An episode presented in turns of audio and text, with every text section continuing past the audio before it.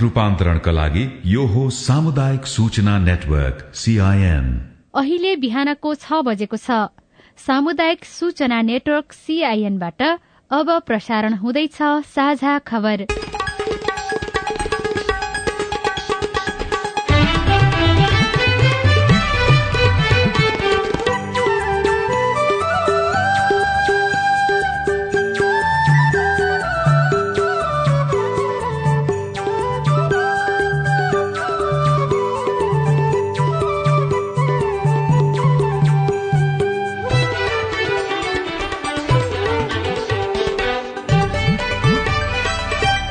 शुभ प्रभात यो सीआईएनको साझा खबर हो। स्नेहा कर्णसँगै राजन रुचालको तपाईँलाई स्वागत छ। सामुदायिक रेडियोबाट देशैभरि एकैसाथ प्रसारण भइरहेको साझा खबर सीआईएन खबर डट कम र मोबाइल एप सीआईएनबाट पनि सुन्न सकिन्छ।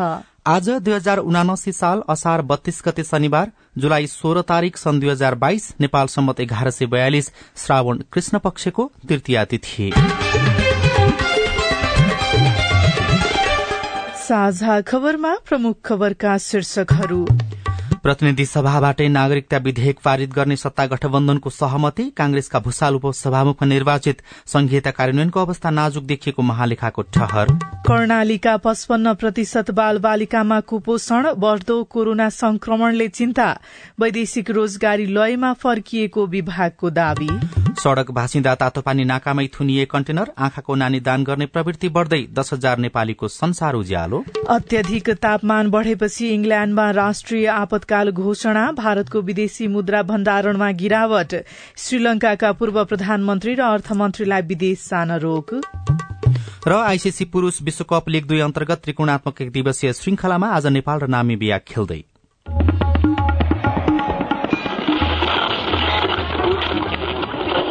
सयौं रेडियो। हजारौं रेडियो कर्मी र करोड़ौं नेपालीको माझमा यो हो सामुदायिक सूचना नेटवर्क सीआईएन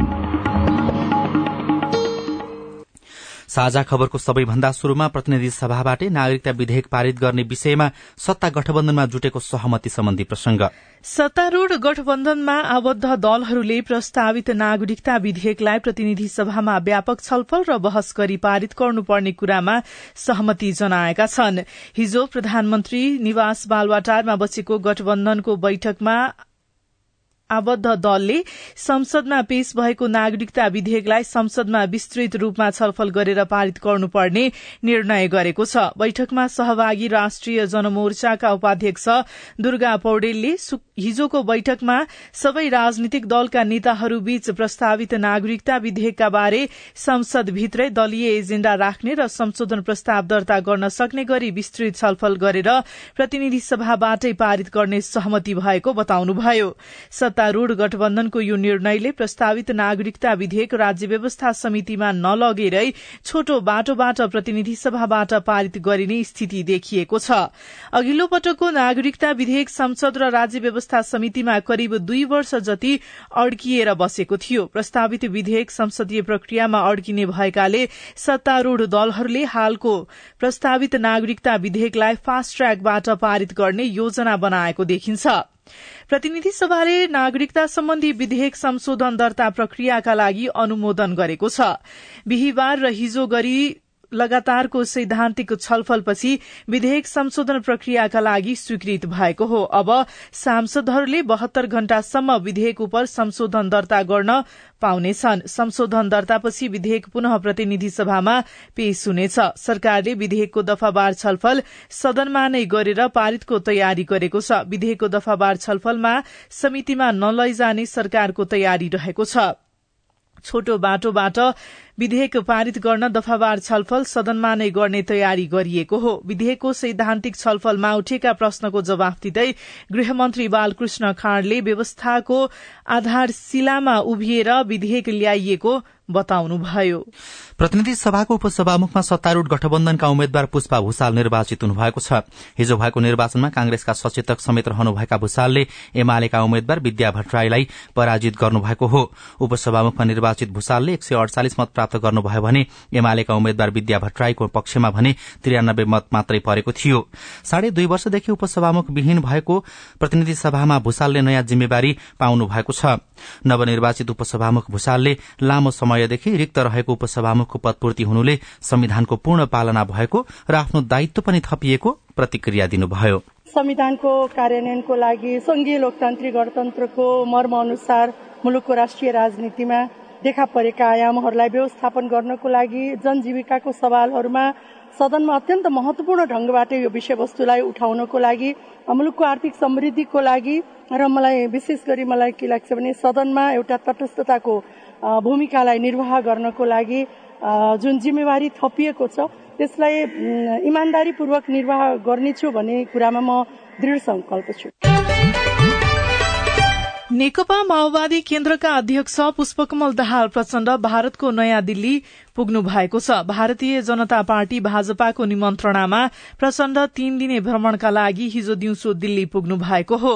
प्रचण्डलाई इन्दिरा गान्धी अन्तर्राष्ट्रिय विमानस्थलमा भारतीय जनता पार्टीका विदेश विभाग प्रमुख विजय चौथाईवाले स्वागत गर्नु भएको प्रचण्डको स्वकीय सचिव रमेश मल्लले जानकारी दिनुभयो। प्रचण्डले भोलि भारतीय प्रधानमन्त्री नरेन्द्र मोदीसँग भेट्ने कार्यक्रम रहेको छ। उहाँ आज भारतीय विदेश मन्त्री डाक्टर एस जयशंकर भारतका राष्ट्रिय सुरक्षा सल्लाहकार अजित डोभाल विदेश सचिव विनय मोहन क्वात्रासँग छुट्टा छुट्टै भेट्ने कार्यक्रम रहेको छ। प्रचण्ड भारत भ्रमण पूरा गरी साउन एक गते स्वदेश फर्किने कार्यक्रम रहेको छ। प्रचण्डको भारत भ्रमणका विषयलाई लिएर विभिन्न टीका टिप्पणी भइरहेका छन् तर यसलाई सामान्य राजनीतिक भ्रमणका रूपमा लिनुपर्ने र सम्बन्ध सुधारको माध्यमका रूपमा बुझ्नुपर्ने परराष्ट्रविद डाक्टर लोकराज बरालले सीआईएनसँग बताउनुभयो भाजपा त एउटा मेजर पावर अहिले रूपमा छ र अब नेसनल सबभन्दा ठुलो उही हो दुईपल्ट चुनाव जितेको छ अझै पनि जित्ने सम्भावना छ त्यत्रो लिडर स्ट्रङ लिडर छ। त्यस कारण त्योसँग सम्बन्ध हामीले बढाउनु पनि पर्छ। अब उसले पनि अब छिमेकी मुलुकहरूको पार्टीहरूसँग यहाँको एउटा ठुलो राष्ट्रको हिसाबले उसले गर्नु पनि त्यो उसको कुरा हो त्यो। त्यस कारणले मैले यसलाई अस्वाभाविक केही मान्दिनँ। माओवादी नेता राम कार्कीले पनि प्रचण्डको भारत भ्रमणलाई त्रिदेशीय सम्बन्ध सुधारको प्रयासको रूपमा बुझ्नुपर्ने बताउनुभयो। त्रिदेशीय त्रिदेशीय भनिरहनु भएको थियो नि त। नेपालको डेभलपमेन्टमा चाहिँ त्रिदेशीय चाहिँ सहभागिता भयो भने त्यसैको यो एउटा भनौँ न कडी हो।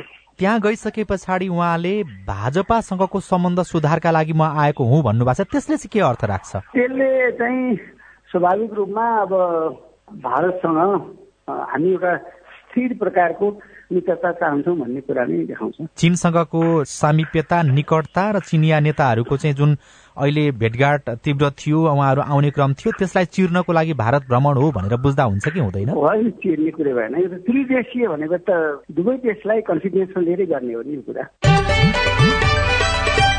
राजनीतिपछि अब वैदेशिक रोजगारीको प्रसंग कोरोना संक्रमणपछि खस्किएको वैदेशिक रोजगारीको क्षेत्र बल्ल लयमा फर्किएको छ। चालू आर्थिक वर्षमा छ लाख अठाइस हजार पाँच सय तीनजना नेपाली कामदार वैदेशिक रोजगारीमा गएका छन्। यो संख्या पाँच वर्षपछिको सबैभन्दा बढ़ी हो। वैदेशिक रोजगार विभागका अनुसार गन्तव्य देशको अर्थतन्त्र सुधार आएकाले नेपाली कामदारको माग पनि बढ़िरहेको छ। कोरोनाले सबै क्षेत्रमा अर्थतन्त्रमा गम्भीर असर परेको थियो। महामारीमा कमी आएपछि पहिलेकै अवस्था जस्तो कामदारको माग हुन्छ कि भन्नेमा चिन्ता पनि देखिएको थियो।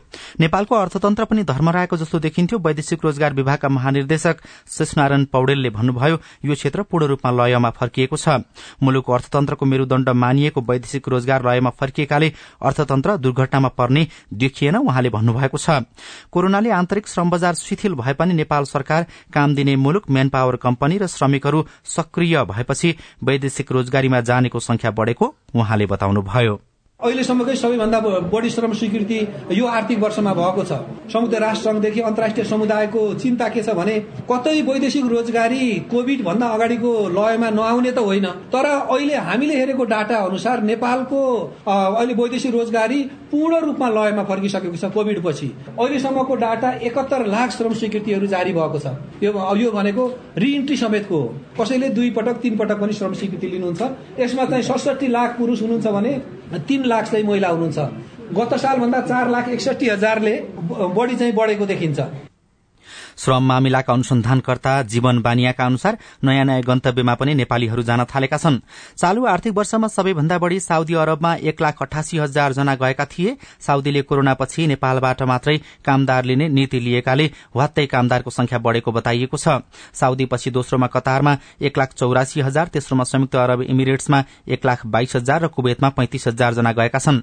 दुई हजार पचहत्तरसम्म प्रमुख गन्तव्य मानिएको मलेसियामा भने पैंतिस हजार मात्रै गएको बताइएको छ। मलेसियाले गत चैतबाट मात्रै कामदार लैजाने प्रक्रिया थालेको थियो। रोमानियामा सात हजार जापानमा पाँच हजार र क्रोएसियामा पाँच हजार जना गएका छन्। वैदेशिक रोजगार विभागका महानिर्देशक पौडेलले कामदार भर्ना प्रक्रियालाई अझै छरितो बनाउने ठाउँ रहेको पनि बताउनु भएको छ। सेवा शुल्क नदिने रोजगारदातालाई कामदार पठाउँदा म्यान पावर कम्पनीले कामदारसँग एक महिना तलब बराबरसम्मको सेवा शुल्क लिन पाउनुपर्ने नीतिगत व्यवस्था आवश्यक रहेको पनि उहाँले बताउनुभयो। महालेखा परीक्षक कार्यालयद्वारा सार्वजनिक उनासाठीौं वार्षिक प्रतिवेदन अनुसार मुलुकको अधिकांश पूर्वाधार निर्माण तथा विकासी आयोजनाका काममा धेरै आर्थिक अनियमितता हुने गरेको देखिएको छ। जसमध्ये सड़क पुल भवन लगायत भौतिक संरचना निर्माणमा व्यापक आर्थिक अनियमितता र बढ़ी भुक्तानी गरिएको पाइएको छ। आयोजना ठेक्कामा शत प्रतिशत म्याद थप्दा पनि निर्माण कार्यमा न्यून प्रगति रहेको पाइएको भन्दै महालेखाले सरकारले निर्माण व्यवसायको पक्षमा तीन वर्षमा सात सात पटक सार्वजनिक खरिद नियमावली संशोधन गर्दा यस्ता निर्माण आयोजनामा कुनै सुधार आउन नसकेको देखिएको हो। चरम आर्थिक अनियमितता र सरकारी कानूनलाई नै लत्याउने प्रवृत्ति हावी भएका कारण ठेक्का अलपत्र पार्ने समयमै काम नगर्ने र गुणस्तरहीन काम गर्ने समस्या विगतका वर्ष जस्तो कायमै रहेको प्रतिवेदनले औंल्याएको छ। त्यस्तै एघार अर्ब चौवालिस करोड़ अठहत्तर लाख अडचालिस हजार रूपियाँ बराबरका एक सय बैसठी ठेक्कामा सम्झौता बमोजिम काम नभए पनि प्रचलित ऐन कानून बमोजिम कार्यवाही नभएको पाइएको प्रतिवेदनमा उल्लेख गरिएको छ।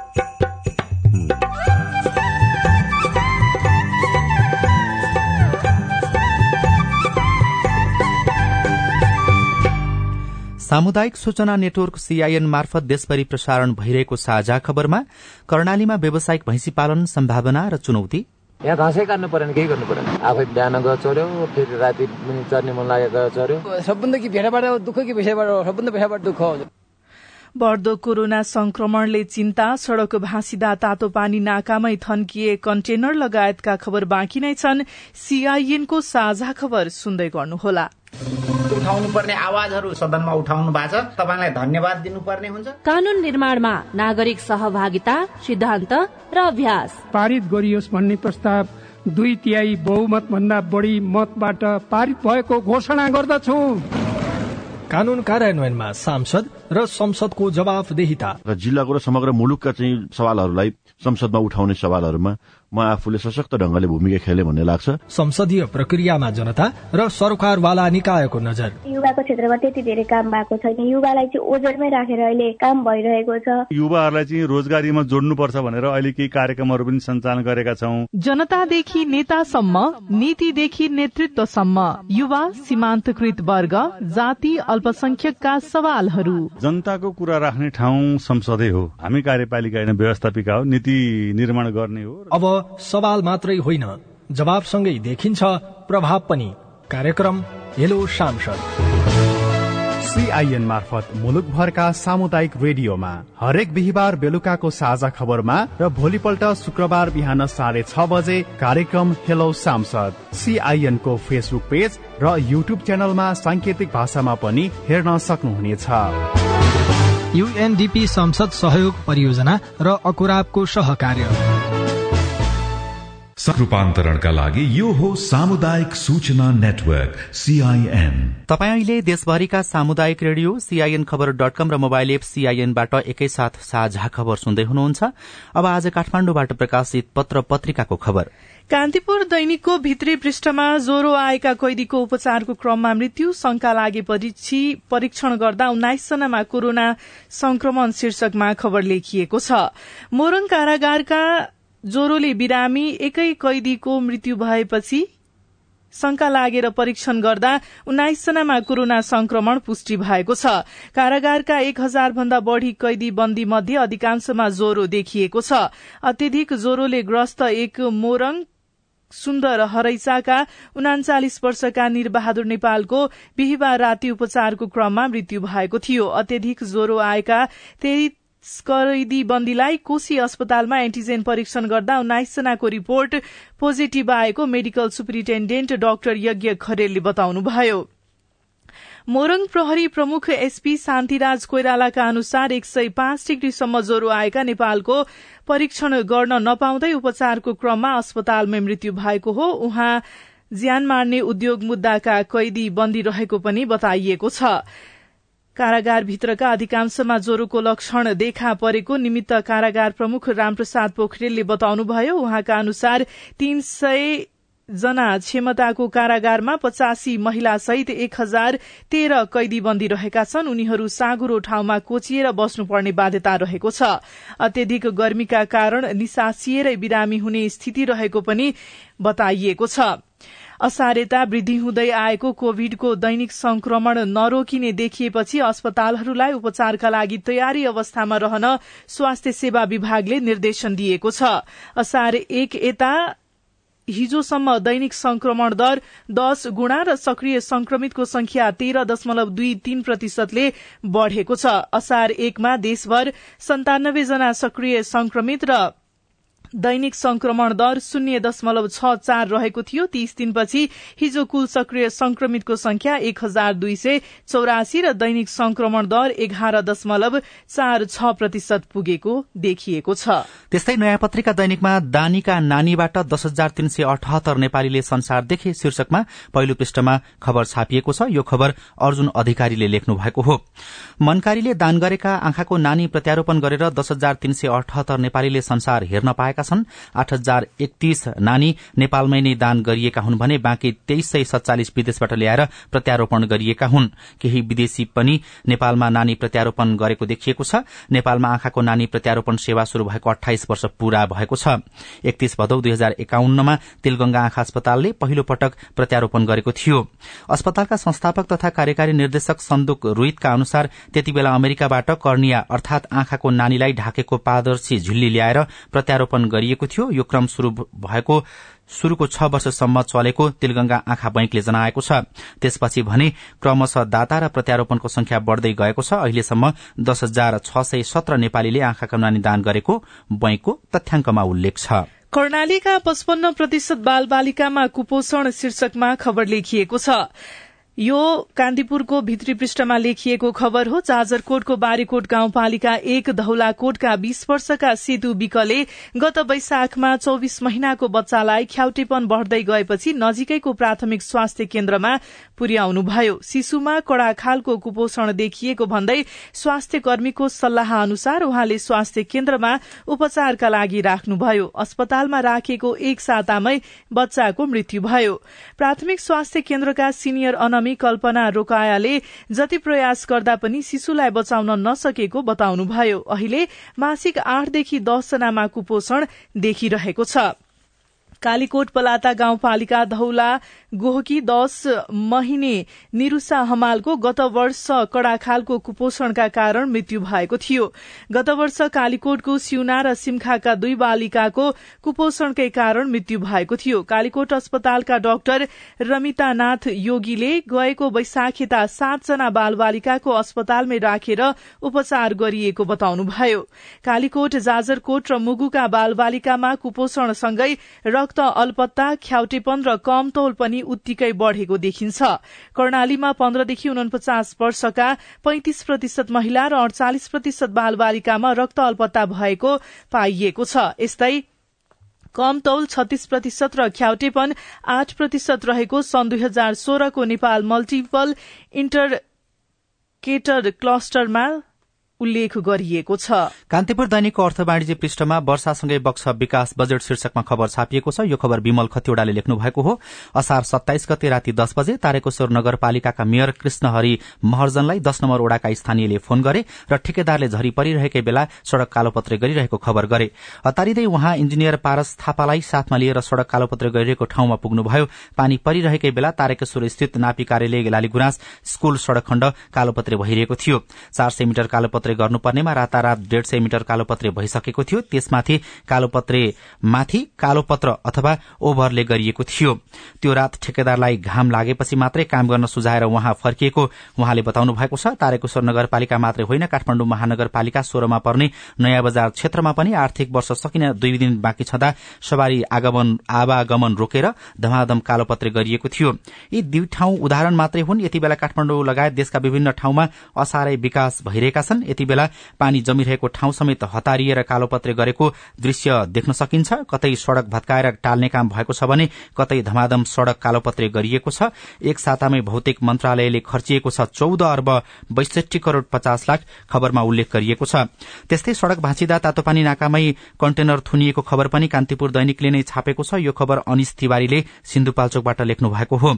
बाह्र तातोपानी छब्बीस किलोमिटर सड़क खण्डका विभिन्न स्थानमा पहिरोले बाटो अवरूद्ध हुँदा दर्जनौ कन्टेनर उत्तरी तातोपानी नाका क्षेत्रमै थन्किएका छन्। कोदारी भेगको मेराक भन्दा माथिबाट पहिरो लेदो मिसिएको घट्टे खोलाले कजबे पुल बगाएर कोदारी क्षेत्रमा खण्ड भाँसिएको हो। कोदारी बजारसम्म आइपुगेका दर्जन कन्टेनर बाढ़ी पहिरोले सड़क रोकिएपछि कोदारी भ्यू पोइन्टमै रोकिएको खबरमा उल्लेख गरिएको छ। साझा खबरमा अब हेलो सीआईएन सजना तिमल सिन्हाबाट। नमस्ते म धनकोटाको चौबिसे गाउँपालिकाबाट अस्मि बोलेको। मेरो र जानीमा चाहिँ ठेगानामा सिएचएयुबिआइएस चौबिसे हुनुपर्नेमा सिएचओ युबिआई चौबिसे भएको छ। त्यसलाई सच्याउनुको लागि चाहिँ के गर्नुपर्ने हो? तपाईँको समस्या हामीले राहदानी विभागका निर्देशक शरद राज आरनलाई सुनाएका छौं। उहाँको चाहिँ त्यो टोलको ठेगानाको एउटा स्पेलिङ एको ठाउँमा ओ भयो भन्नुभयो। त्यसले केही पनि फरक पर्दैन सच्याइराख्नु पर्दैन। नमस्कार। मेरो नाम मिलन मुक्तान हो। म बदवास नगरपालिका अन्तर्गत बस्छु। म एक दृष्टिबिन व्यक्ति हो। कस्तो खालको दृष्टिबिनहरूले रातो कार्ड पाउने हो? र हामी जस्तै अर्काको सहारामा बाँच्नु पर्ने दृष्टिबिनहरूले पाउने हो कि नपाउने हो? तपाईँको जिज्ञासा मेटाउँदै हुनुहुन्छ। राष्ट्रिय परिचय पत्र तथा पञ्जीकरण विभागका निर्देशक सागरमणि पाठक। भन्ने जुन अपाङ्गताको परिचय पत्र वितरण गर्ने स्थानीय तहले वितरण गर्छ। त्यसमा स्थानीय तहले परिचय पत्र वितरण गर्नका लागि समिति गठन गरे त्यो समितिमा चाहिँ सम्बन्धित चिकित्सक पनि रहन्छ। त्यसले गर्दाखेरि अब त्यो अपाङ्गताको कस्तो किसिम हो रातो कार्ड पाउने खालको पूर्ण अशक्तता हो कि अति असक्तता हो त्यो हिसाबले चाहिँ वर्गीकरण हुन्छ रातो कार्ड निलो कार्ड अनि त्यही अनुसारको चाहिँ सामाजिक सुरक्षा भत्ता चाहिँ उपलब्ध हुन्छ। दृष्टिविहीन जतिलाई सामाजिक सुरक्षा उपलब्ध गराउने अथवा त्यो भन्ने खालको चाहिँ हाम्रो विभागलाई कुनै किसिमको जानकारी पनि छैन। स्थानीय तहले वर्गीकरण गरे अनुसार अपाङ्गताको जस्तो किसिम हुन्छ र नेपाल सरकारले तोकेको दर अनुसार चाहिँ सामाजिक सुरक्षा भत्ता उपलब्ध गराए हेलो नमस्कार म पुर्चौँ नगरपालिका दसबाट बोल्दैछु। यो शिक्षक सेवा आयोगले माध्यमिक तहको यही साउन अठार गते लिएको अनुमति पत्रको रिजल्ट कहिले प्रकाशित गर्छ होला? जवाफ दिँदै हुनुहुन्छ शिक्षक सेवा आयोगका सूचना अधिकारी सुदर्शन मरहट्टा। हामी चाहिँ आफ्नो कामलाई अगाडि बढाइराख्छौँ साउन महिनाभरिमा हामी त्यसको नतिजा प्रकाशन गर्ने क्रममा चाहिँ छौँ। तपाईँ जुनसुकै बेला हाम्रो टेलिफोन नम्बर शून्य एक बान्न साठी छ चार छमा फोन गरेर आफ्नो प्रश्न जिज्ञासा गुनासा तथा समस्या रेकर्ड गर्न सक्नुहुनेछ। साझा खबरमा अब विदेशका खबर। भारतको विदेशी मुद्रा भण्डारणमा कमी आएको छ। भारतीय रिजर्भ बैंकका अनुसार यो साता भारतको विदेशी मुद्रा भण्डारणमा आठ दशमलव शून्य छ आठ अर्ब डलरले कमी आएको हो।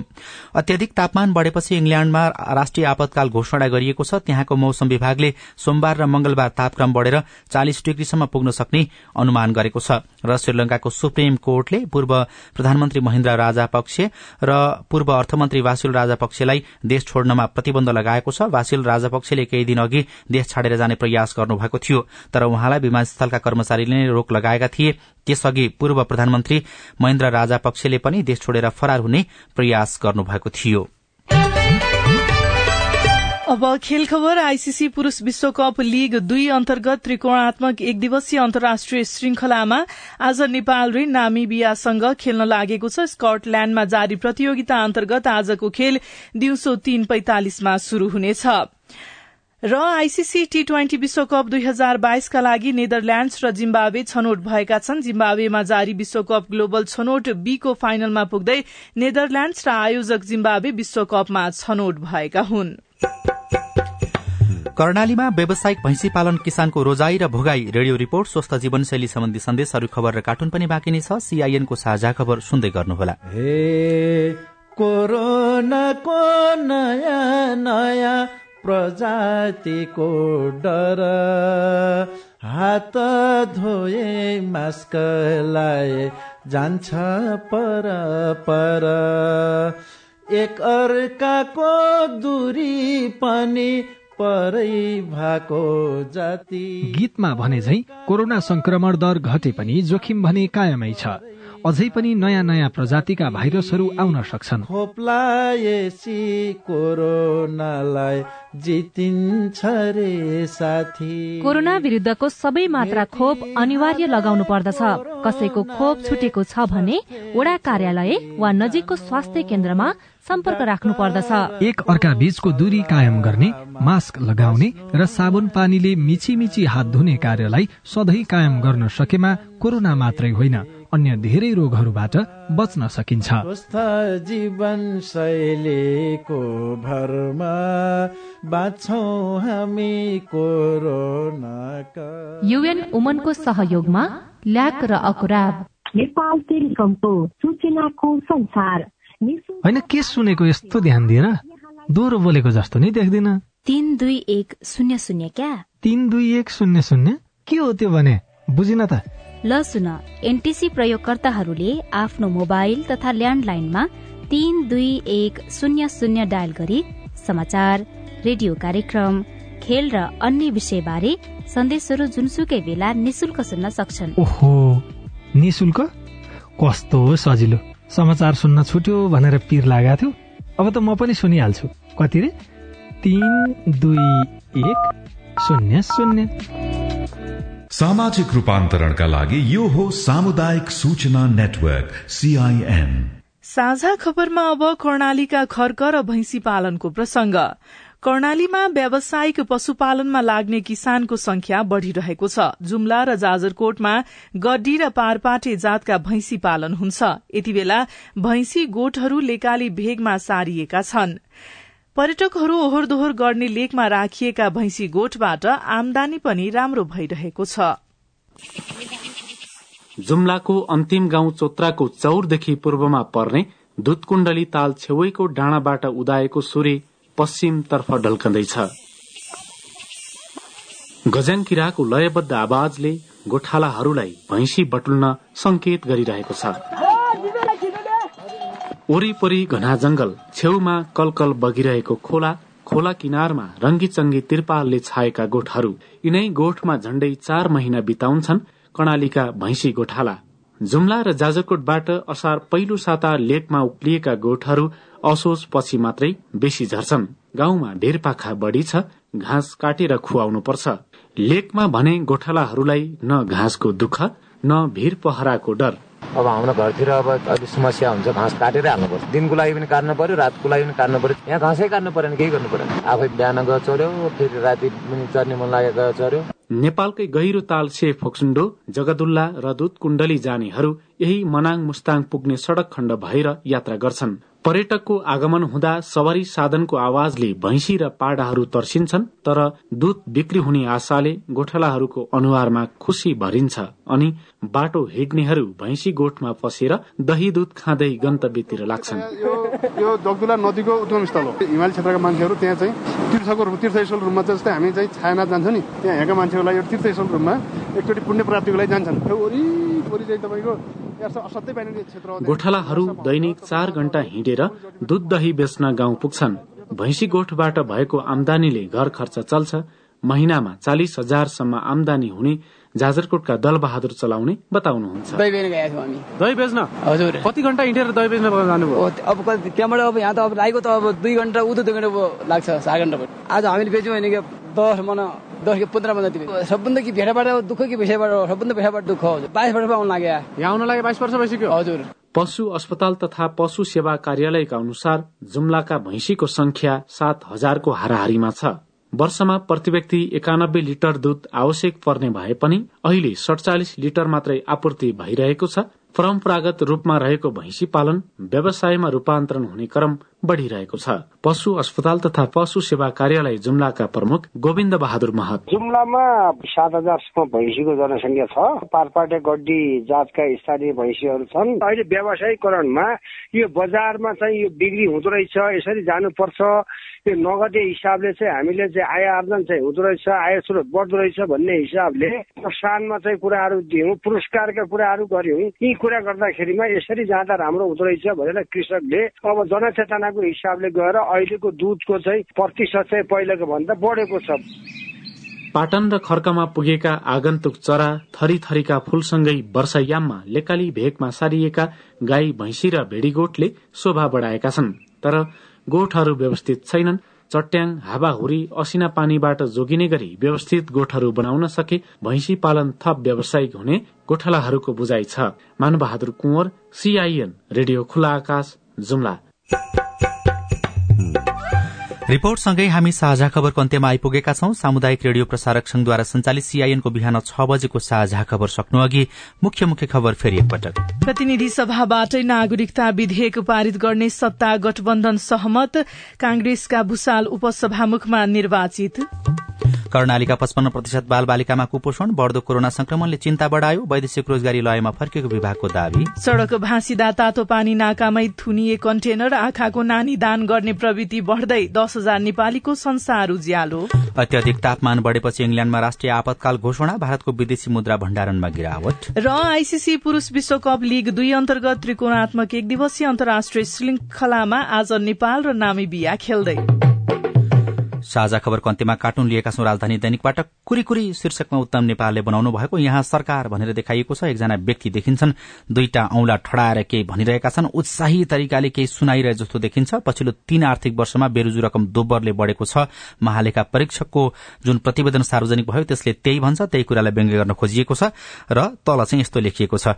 आहा यसपालि पनि अर्बौं बेरुजु राख्न सफल भयो। हामीलाई धन्यवाद अनि बधाई पनि। हवस् त प्राविधिक साथी सुभाष पन्तलाई धन्यवाद। अहिलेलाई राजन रुचाल र स्नेहा कर्ण विदा भयो।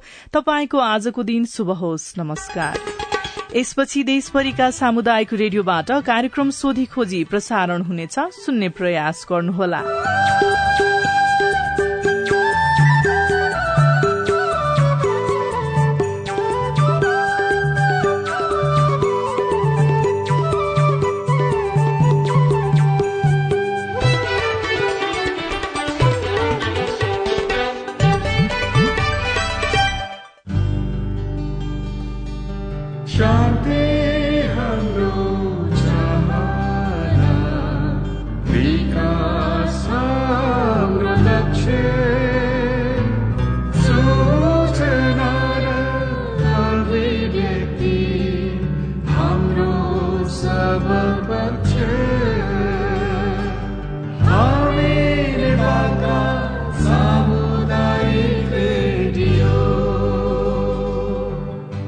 सामाजिक रूपान्तरणका लागि यो हो सामुदायिक सूचना नेटवर्क सीआईएन